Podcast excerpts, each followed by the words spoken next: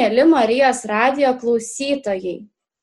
Prie mikrofono aš Gerda ir šiandieną mes laidoje kalbėsime apie tai, kodėl vis dėlto nereikia kreiptis į psichologą, kodėl tai yra būtina, galbūt ko žmonės bijo e, kreipdamiesi į psichologą ir su manimi kartu pokalbėje dalyvauja Ingrida Bobinienė, e, kuri yra klinikinė psichologė ir taip pat krizių įveikimo centro mobiliųjų psichologinių krizių įveikimo komandų projektų vadovė. E, taip pat su manimi kartu pokalbėje dalyvauja Simona Glodenienė, psichologė, psichoterapeutė, kuri yra krizių įveikimo centro dalininkė. Ir taip pat e, trečioji laidos dalyvė, tai yra būtent Asta Groblytė, psichologė, psichoterapeutė, krizių įveikimo centro dalininkė.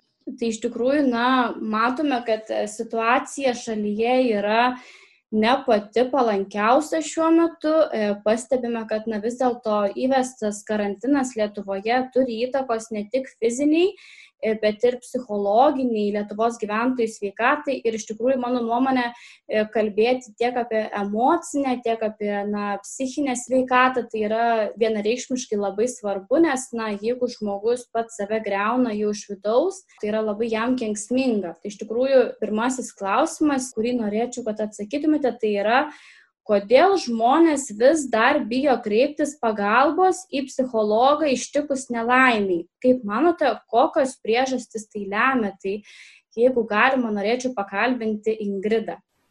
Iš tikrųjų, na, tų priežasčių gali būti įvairių. E, pasitaiko, kad na, žmonės kartais dar painioja psichologą su psichiatru ir yra tokio na, nerimo, kad galbūt čia su manimi kažkas negerai, jeigu aš čia kreipsiuosi ar ką aplinkiniai pagalvos.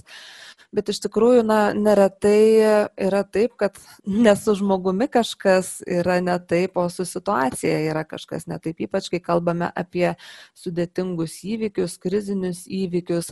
Taip pat ir, na, šiandieninė COVID visą situaciją, pandemijos situacija, kuri kelia nerimo, įtampos, streso ar ne, tai tikrai neretai matome, kad aplinkoje kažkas vyksta ir žmogus į tai vienaip ar kitaip reaguoja. Ir tos na, reakcijos dažnai yra labai, na, jos nėra lengvos, žmogui tą nėra lengva pakelti ir, na, tie sunkus išgyvenimai, na, jie apkartina tą kasdienybę, iš kitos pusės, na, jie kaip ir suprantami, jie yra normalūs, jie yra sveiko žmogaus reakcija į sudėtingą situaciją. E, ir iš tikrųjų galime pasidžiaugti, kad stebim tą tendenciją, jog vis daugiau žmonių yra linkę kreiptis į psichologą, apskritai konsultacijų ar ne į krizių specialistus, į, į kitus psichikos veikatos specialistus, kažkaip tai ieško tų būdų, kaip padėti savo, kaip padėti savo artimiesiems. Čia irgi turbūt svarbus momentas tai, kad na, ne visada galbūt pačiam yra lengva situacijoje kreiptis pagalbos, bet kartais artimieji pastebi, kad, na, galbūt būtų svarbu ir norisi pasirūpinti, kažkaip papildomai padėti žmogui ir, ir nukreipia tada į specialistus. Ačiū Jums labai už atsakymą, Ingrida. Iš tikrųjų, aš manau, kad klausytojams na, tai yra labai naudinga ir iš tikrųjų aktuali informacija. Ir e, taip pat iš tikrųjų na, su tuo yra susijęs ir antrasis mano klausimas, tai kokiais atvejais vis dėlto yra būtina psichologo pagalba. Galbūt su skausmu žmogus gali susitvarkyti pats arba pagalbos kreiptis į šeimos narius. Tai šito klausimu norėčiau, kad Simona pasidalintų. Tai tikrai tų situacijų, kuriomis kreiptis vertėtų, yra visai tokių, nu, tikrai skirtingų ir įvairių. E, bet kadangi mes šiandien taip daugiau apie krizės kalbame ir, ir kaip Ingrida sakė, tai yra na, normalios reakcijos į tokią labai ypatingą situaciją, kuri žmonėms nutinka, tai e, kartai žmonės nesusitvarko savaime, nesusitvarko patys. Daugumoje atveju susitvarko, bet tais atvejais, kai nesusitvarko, tai turbūt čia svarbu matyti laiko tekmėje, kaip mes e, susitvarkome. Tai jeigu ta reakcija, tos reakcijos, kurios na, mus neramina, tęsiasi kelias savaitės, tai jau turi, turbūt reikėtų na, kreiptis pagalbos ir, ir pabandyti padėti savo kitais būdais.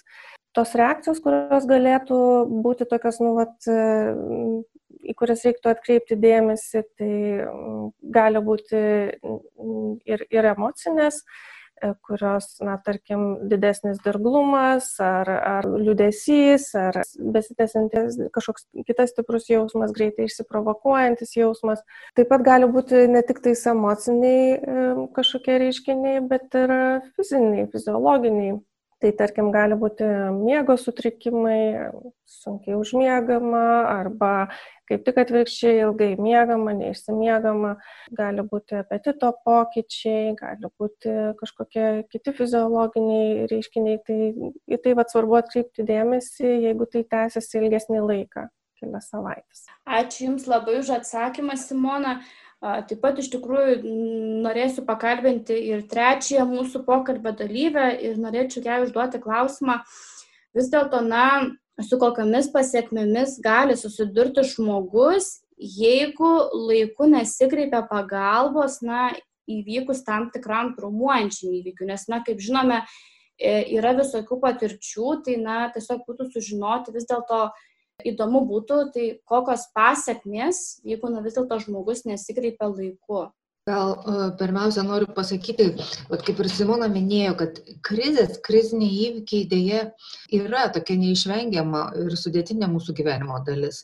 E, ko gero, nei vienam žmogui nepavyksta savo gyvenime išvengti ar, ar netekčių, ar, ar kažkokių didelių nesėkmių, ar tokių dramatiškų pokyčių, ar, ar pagaliau ir kokio nelaimingo atsitikimo. Taip, dauguma mm, iš mūsų su šitais kriziniais įvykiais susitvarko ir savo resursais. Mes vadinam tą žodį resursai. Kas yra mūsų resursai, tai artimieji ar ne, mūsų pačių patirtis, gebėjimas sutvarkyti, mūsų pačių uh, būdai nus, nusiraminti, atsigauti, suprasti, integruoti tą gautą patirtį. Bet kada mes šnekam, kad į psichologą verta kreiptis, tada, kai tie kriziniai įvykiai, pavyzdžiui, supuola keli į neilgą laikotarpį. Ar ne? Vienas ir kitas. Kaip dabar, pavyzdžiui, mes turim tokį krizinį įvykį pandemiją, ar ne? Ir e, tikėtina, kad e, tokie įvykiai kriziniai atsitikę vat, šituo laikotarpiu gali sukelti didesnės reakcijas. Ir dėl pandemijos sukeltų reiškinių, tai reiškia priverstinio izoliuotumo, tai reiškia mes neturim savo resursų, tai yra artimų ir draugų, pas kuriuos galim nuvažiuoti, apsikabinti, paverkti, dažniau pašnekėti. Uh, mes neturim savo pačių užsiemimų, kai kuriems žmonėms dar prisideda ir ekonominės priežastis, darbo netekimas, verslo ir panašiai. Tai tokiais atvejais, kai tie kriziniai įvykiai supuola keli, arba jie supuola tokiu metu, kada žmogaus resursai yra nepasiekiami, ar žmogus silpnesnis, ar serga, ar fiziškai, ar, ar emociškai patiria kažkokių sunkumų, tada tos krizinis įvykis ištverti gali būti sunkiau. Ir ką tai reiškia sunkiau? Visų pirma, tai yra laikė, tai užsitęsia lyginant su įprastu tokio įvykio išgyvenimo.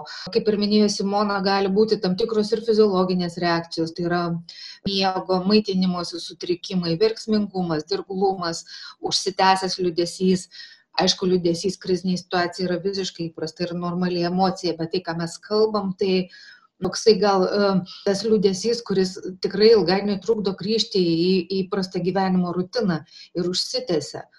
Taip pat e, toksai žmogaus užsidarimas, izolacija, nevilties, ilgalaikiai nevilties jausmai. Tokios ir panašios reakcijos, kurios jau signalizuoja, kad tikrai reikia daugiau šiek tiek paramos, negu natūralioje žmogaus aplinkoje yra pasiekiama. Supratau, ačiū Jums labai Asta už atsakymą. Iš tikrųjų, kitas klausimas yra toks, na, gana įdomus. Tai galbūt norėsiu, kad kiekviena iš jūsų juo na, pasisakytų. Tai e, tiesiog na, yra toksai posakis, e, tikriausiai žinome tokį posakį, kad e, laikas būtent geriausiai gydo žaizdas, ar ne? Tai iš tikrųjų, ar pritarėte šiam teiginiui, o galbūt na, tos neišspręstos psichologinės problemos gali būti, taip sakant, na, dar didesnė žaizda ateityje, gal tiesiog na, gyvenant ir laikant, taip sakant, savyje tas na, vidinės problemas, galbūt na jos tiesiog galėtų tapti na, dar, taip sakant, didesnė žaizda, kuri tiesiog na, užvaldo, taip sakant, patį žmogų. Tai e, dabar galbūt na, norėčiau pakalbinti Ingridą. Na, iš tikrųjų, iš vienos pusės tai laikas svarbu po sunkių patyrimų, ar ne, nes per laiką vis tiek tam tikri dalykai nusistovi, nusigulė, ar ne, ir, ir, ir kažkaip žmogus neretai grįžta į įprastą gyvenimo ritmą. Iš kitos pusės galbūt svarbu ne tiek ir pats laikas, kiek kas vyksta tuo metu, kiek yra pasitelkiama turimais resursais, tiek ir vidiniais, jau anksčiau išmoktais sunkumų įveikos būdais, kas man padeda nusiraminti, kas man padeda išgyventi, atlaikyti sunkumus, tiek ir išoriniais resursais, kiek aš galiu pasitelkti savo artimąją aplinką, savo draugais, savo na, tais žmonėm, kuriais pasitikiu, su kuriais galiu pakalbėti ar tiesiog pabūti po sunkaus patyrimo. Kiek turiu tų dalykų, na, kurie man padeda įsitraukti į gyvenimą, grįžti į gyvenimą ir kurie na, mane palaiko, mane veda į priekį, padeda judėti ar netolin. Tai, tai, tai svarbu iš tikrųjų, kas, kas vyksta per tą laiką. Ir kaip asta minėjo, na, svarbus ir kiti dalykai, kaip dėliojasi gyvenimas po to, ar, ar toliau ar ne daugiau viskas klostosi tokia ramesnė vaga, ar galbūt yra pakartotinių dar kažkokių sunkumų ir krizinių įvykių, nes jeigu sukrenta keletas vienas po kito sunkių patyrimų, tai tada iš tikrųjų, na, sunkiau gali būti išgyventi. Tai, tai visa tai, kas vyksta per tą laiką, yra iš tikrųjų, na, labai svarbu. Dėkui. Tai gal dabar, na, tiesiog galėtų kita pašnekovė pakalbėti apie tai. Galėčiau gal pridurti, kad laikas krizės išgyvenimo yra labai svarbus dalykas, nes laiko reikia tam, kad po netekties arba kažkokio dramatiško įvykio arba e, pasikeitimo tokio sunkaus žmogus tą patirtį integruotų, susitaikytų, kažkaip atgautų jėgas.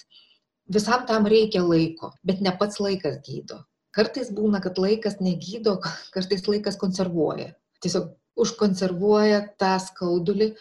Jeigu jisai lieka vat neišnekėtas nesuprastas iki galo neintegruotas ir kas tada atsitinka būna taip kad po dešimties ar dvidešimties metų po įvykio ar ne mes savo grupėse užšnekam apie kokį nors pavyzdžiui artimojo savižudybę ir prasideda tokios stiprios emocinės reakcijos nors laiko atrodo pradėjo tiek daug, tiek daug buvo galima nuveikti per tą laiką, ar ne, bet kažkas nuveikta, o kažkas likę, kažkoks skaudulys užsikoncertavęs. Dėl to tas laiko vaidmuo toksai dviejopas. Jo reikia, bet vien jo neužtenka. Na, iš tikrųjų, tai girdėjome daug tokių, na, gilių, taip sakant, atsakymų, pasisakymų, O dabar tada iš tikrųjų, na, galbūt Simonas norėsiu paklausti, vis dėlto, na, papasakokite tiesiog trumpai, tai kas yra mobili psichologinių krizių įveikimo komanda. Kokie yra jūsų tikslai, kokia yra, na, taip sakant, jūsų misija, na, ką galbūt jūs veikiate, kokia jūsų yra darbo specifika. Tai visų pirma, turbūt tas pavadinimas e, sako, kad tai yra na, mobilumas, tai reiškia, e, šiaip įprastai psichologas dirba savo kabinete ir, ir, ir pas jį ateina klientas ar pacientas. Tai šiuo atveju e, dažniau vyksta taip, kad mes vykstame ten, kur mūsų pagalbos reikia tai nereiškia, kad mes vykstame, nu, tarkim, į avarijos vietą, nes e, mes nesam tokia greitoji pagalba, bet e, sutartų laiku per, per, per dieną, dvi, tris e, galime atvykti į tą, į tą vietą, į, tarkim, organizaciją, jeigu organizacijoje įvyko įvykis, ir ten teikti pagalbą tiems, kuriems yra svarbu ją gauti turbūt čia labai daug galima kalbėti apie tai, kaip tos komandos veikia. Mes jau turim keliolika metų jas e, Lietuvoje, krizių veikimo centras e, na, tuo užsima Šiemet e, jau galime pasiūlyti ir nemokamai šitą paslaugą, kadangi sveikatos apsaugos ministerija ėmėsi iš tos iniciatyvos e, finansuoti Vilniaus ir Kauno apskritims. Tai reiškia, kad e, Vilniaus ir Kauno apskričių gyventojai, įmonės, organizacijos gali kviesti mus tada, kai, kai reikia, kad atvyktumėm. Aišku, dalis darbo vyksta um, nuotoliniu būdu ir, ir, ir pirmoji pagalba vis tiek vyksta telefonu ar kitokiu nuotoliniu būdu ir dabar, kai karantinas, tai tikrai labai retai, kada tikrai išskirtiniais atvejais vykstame į vietą, bet šiaip, šiaip didžioji dauguma pagalbos e, yra teikiama nuotoliniu būdu. Mhm. Ačiū Jums labai už tokį išsamą atsakymą.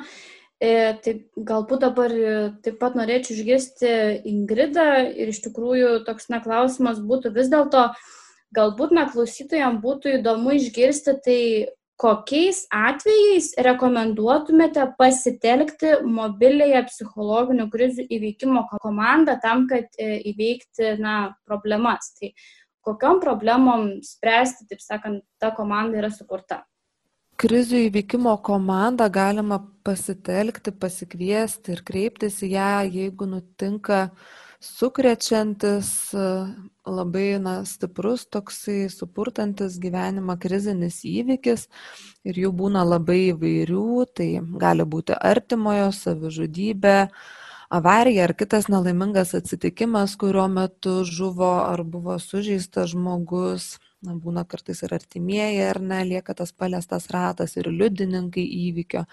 Tai gali būti artimojo dingimas, umi psichozė, kuri nutinka artimajam ar kolegai, bandymas žudytis.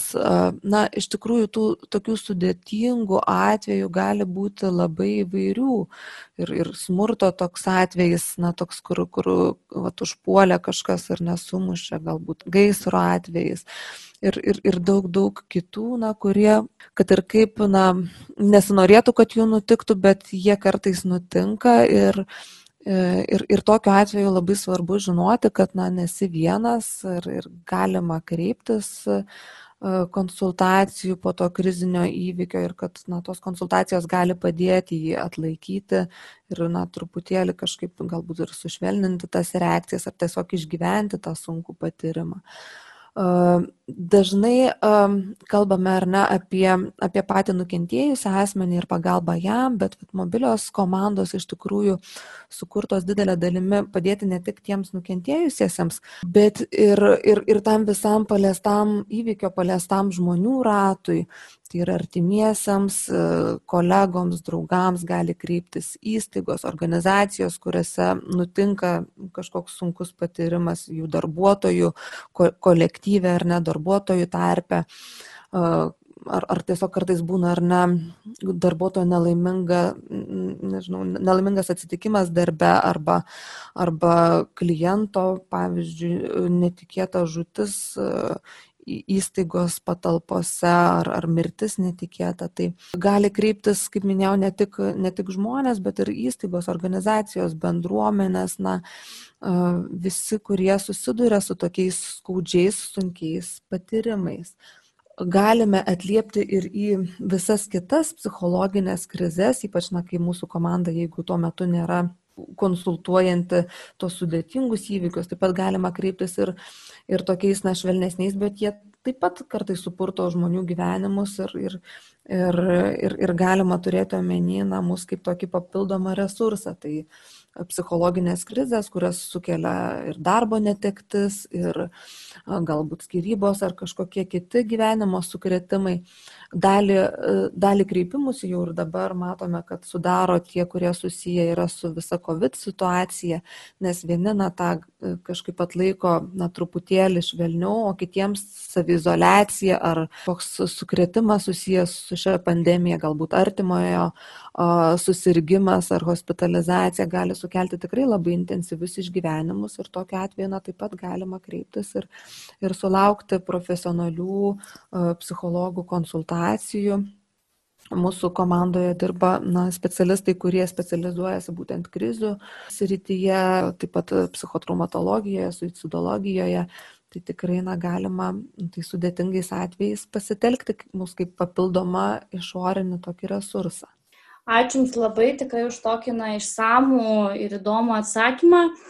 Taip pat iš tikrųjų manau, kad na, reikėtų galbūt dar pakalbėti šiek tiek ir apie tai, na vis dėlto kaip vyksta tas, e, taip sakant, pagalbos teikimo procesas.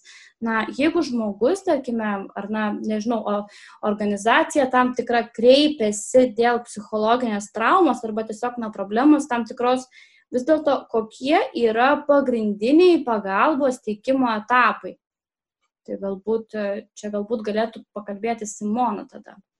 Tai turbūt, kad prasideda pagalba nuo to, kad e, mes visų pirma iš, išsiaiškiname ir pasistengiame suprasti, e, koks tai įvykis ir ką jisai paveikė ir kokiu lygiu paveikė, kaip stipriai paveikė. Ir e, jeigu tai yra darbas su bendruomenė, organizacija, tai dažniausiai e, kitas etapas būna bendravimas su vadovais, su, su tais, kurie yra e, toje organizacijoje atsakingi už krizės valdymą.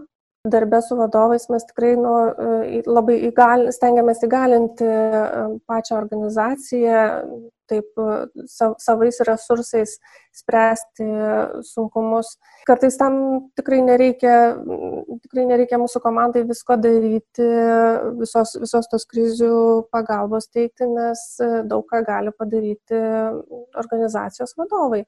E, tai mūsų vaidmuo yra padėti jiems suprasti, kas yra svarbu, na, tarkim, informuoti, E, savo organizacijos narius, bendruomenę, kaip informuoti, kaip tinkamai informuoti, kada.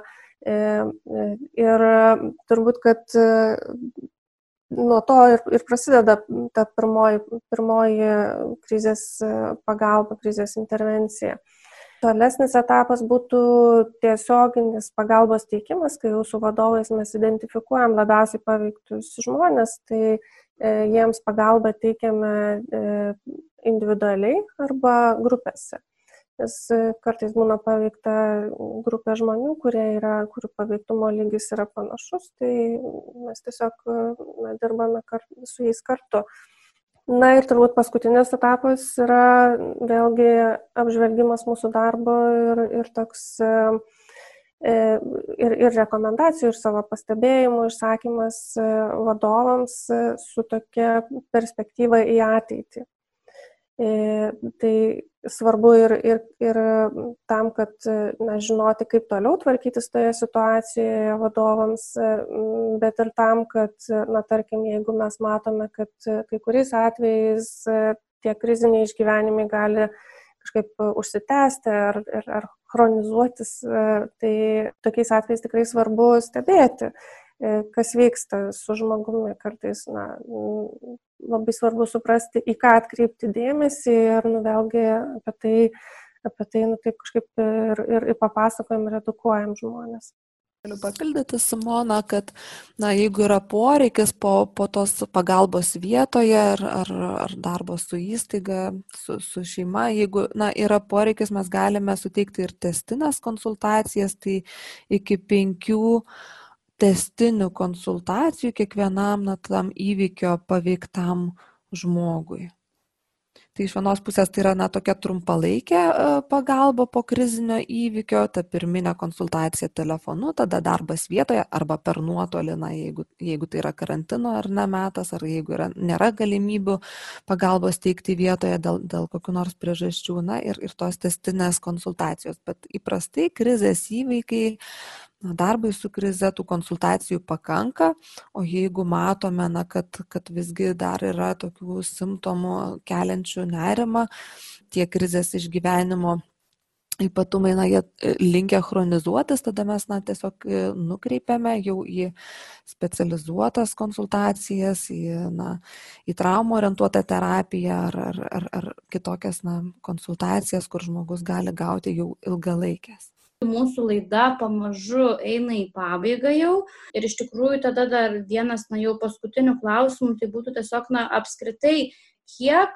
užklausų galbūt, na, laukiate per mėnesį, kiek žmonių kreipiasi, ar apskritai, na, tie kreipimusi skaičiai atspindi, taip sakant, realią situaciją, kai iš tikrųjų, na, ta pagalba yra suteikiama. Dideliu mastu ar neprieinama Vilniaus ir Kauno apskrityje pakankamai neseniai, nuo spalio mėnesio, tai žmonės, įstaigos, organizacijos, na, tik pradeda dar sužinoti ir kreiptis. E, šiuo metu turime keliolika, kartais keliasdešimt tų atvejų per, per mėnesį ir, ir, ir tas, ta tendencija yra augimo iš tikrųjų, bet galbūt ne dėl to, kad daugiau tų krizių įvyksta, bet dėl to, kad na, žmonės daugiau sužino, kad, kad, kad esame, kad galima kreiptis ir kad ta pagalba šiuo metu yra teikiama nemokamai. Iš tikrųjų, na, džiugu tai, kad yra numatytas ir šitos paslaugos testinumas 2021 metais. E, taip pat, na, galvojama, e, kad, kad, kad šita paslauga greičiausiai bus tokia kaip ir nuolatinė ir prieinama ir kitose Lietuvos e, miestuose. Tai, tai, tai tikrai tas prieinamumas didėja ir, ir na, žmonės vis daugiau gali kreiptis.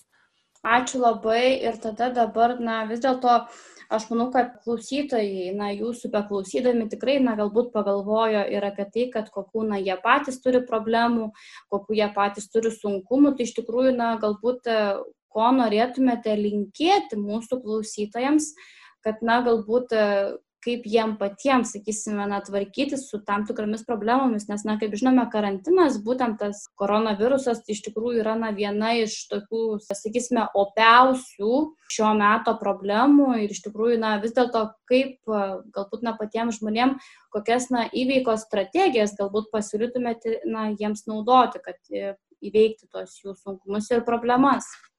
Tikrai, na, kiekvienas žmogus turi savo įveikos būdus, savo atsparumo šaltinius, e, tik labai labai svarbu, va, tokiais sudėtingesniais atvejais juos prisiminti, pabandyti pagalvoti, o kas man anksčiau padėdavo įveikti sunkumus, kokie dalykai, kas apskritai man gera, kada aš gerai jaučiuosi, kokie dalykai, na, galbūt ir ne, nesudėtingi, bet ir prieinami čia pat po ranka, galbūt podelis arbatos ar šiltas dušas, galbūt pokalbis su artimu žmogumi. Tai iš tikrųjų, na, neretai mes tuos resursus turime, tik labai labai svarbu juos prisiminti ir jais naudotis. Tai, tai to ir norėtųsi palinkėti. Taip pat norėtųsi palinkėti, jeigu na, jaučiat, kad tų vidinių resursų neužtenka, na tikrai prisiminti, kad yra ir išorinių, yra ir papildomų tų pagalbos šaltinių ir tikrai na, norisi paraginti drąsiai kreiptis, jeigu nutinka na, kažkoks sudėtingesnis įvykis ar COVID situacija labai slegianti yra ir jaučiate, na, kad sunku yra tą pakelti, tai tikrai galite kreiptis ir į mobilias psichologinių krizių įveikimo komandas. Mūsų kolegos kolegos dirba kiekvieną dieną nuo 8 ryto iki 8 vakaro, galima skambinti telefonu 86162252 ir, ir tiesiog na, konsultuotis kartu, galbūt paieškoti tų resursų ir, ir būdų, kaip atlaikyti na, tą visiems netokį lengvą laikotarpį. Dėkoju. Taip pat, Asta, ko jūs norėtumėte palinkėti mūsų klausytojams? Aš manau, kad šis laikotarpis turbūt yra ypatingas tuo, kad mūsų tie resursai, kas pas dažnai yra, tai pavyzdžiui, bendravimas ar kažkoks išvažiavimas, jie yra apriboti ir e, situacija tokia nėra įprasta ir reikalauja specialių tokių gal ne visai įprastų ir sprendimų. Tai ką aš linkiu, tai pamiršti, e, kad net jeigu ir negalim nuvažiuoti pas draugą ar giminę, bet galbūt galim susiskambinti per vaizdo programas, galbūt galim sugalvoti kažkokį reguliarų laiką, kada kas savaitę visi susiskambinam, susirenkam ir pasišnekam.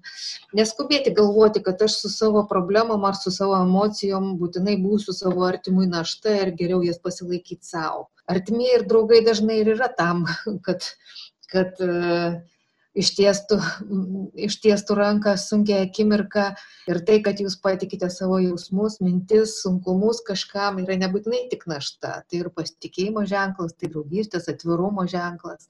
Todėl drąsinčiau vis dėlto kažkaip remtis į tą bendravimą, į artimuosius. Dėkoju Jums labai už išsamius atsakymus e, mūsų klausytojams.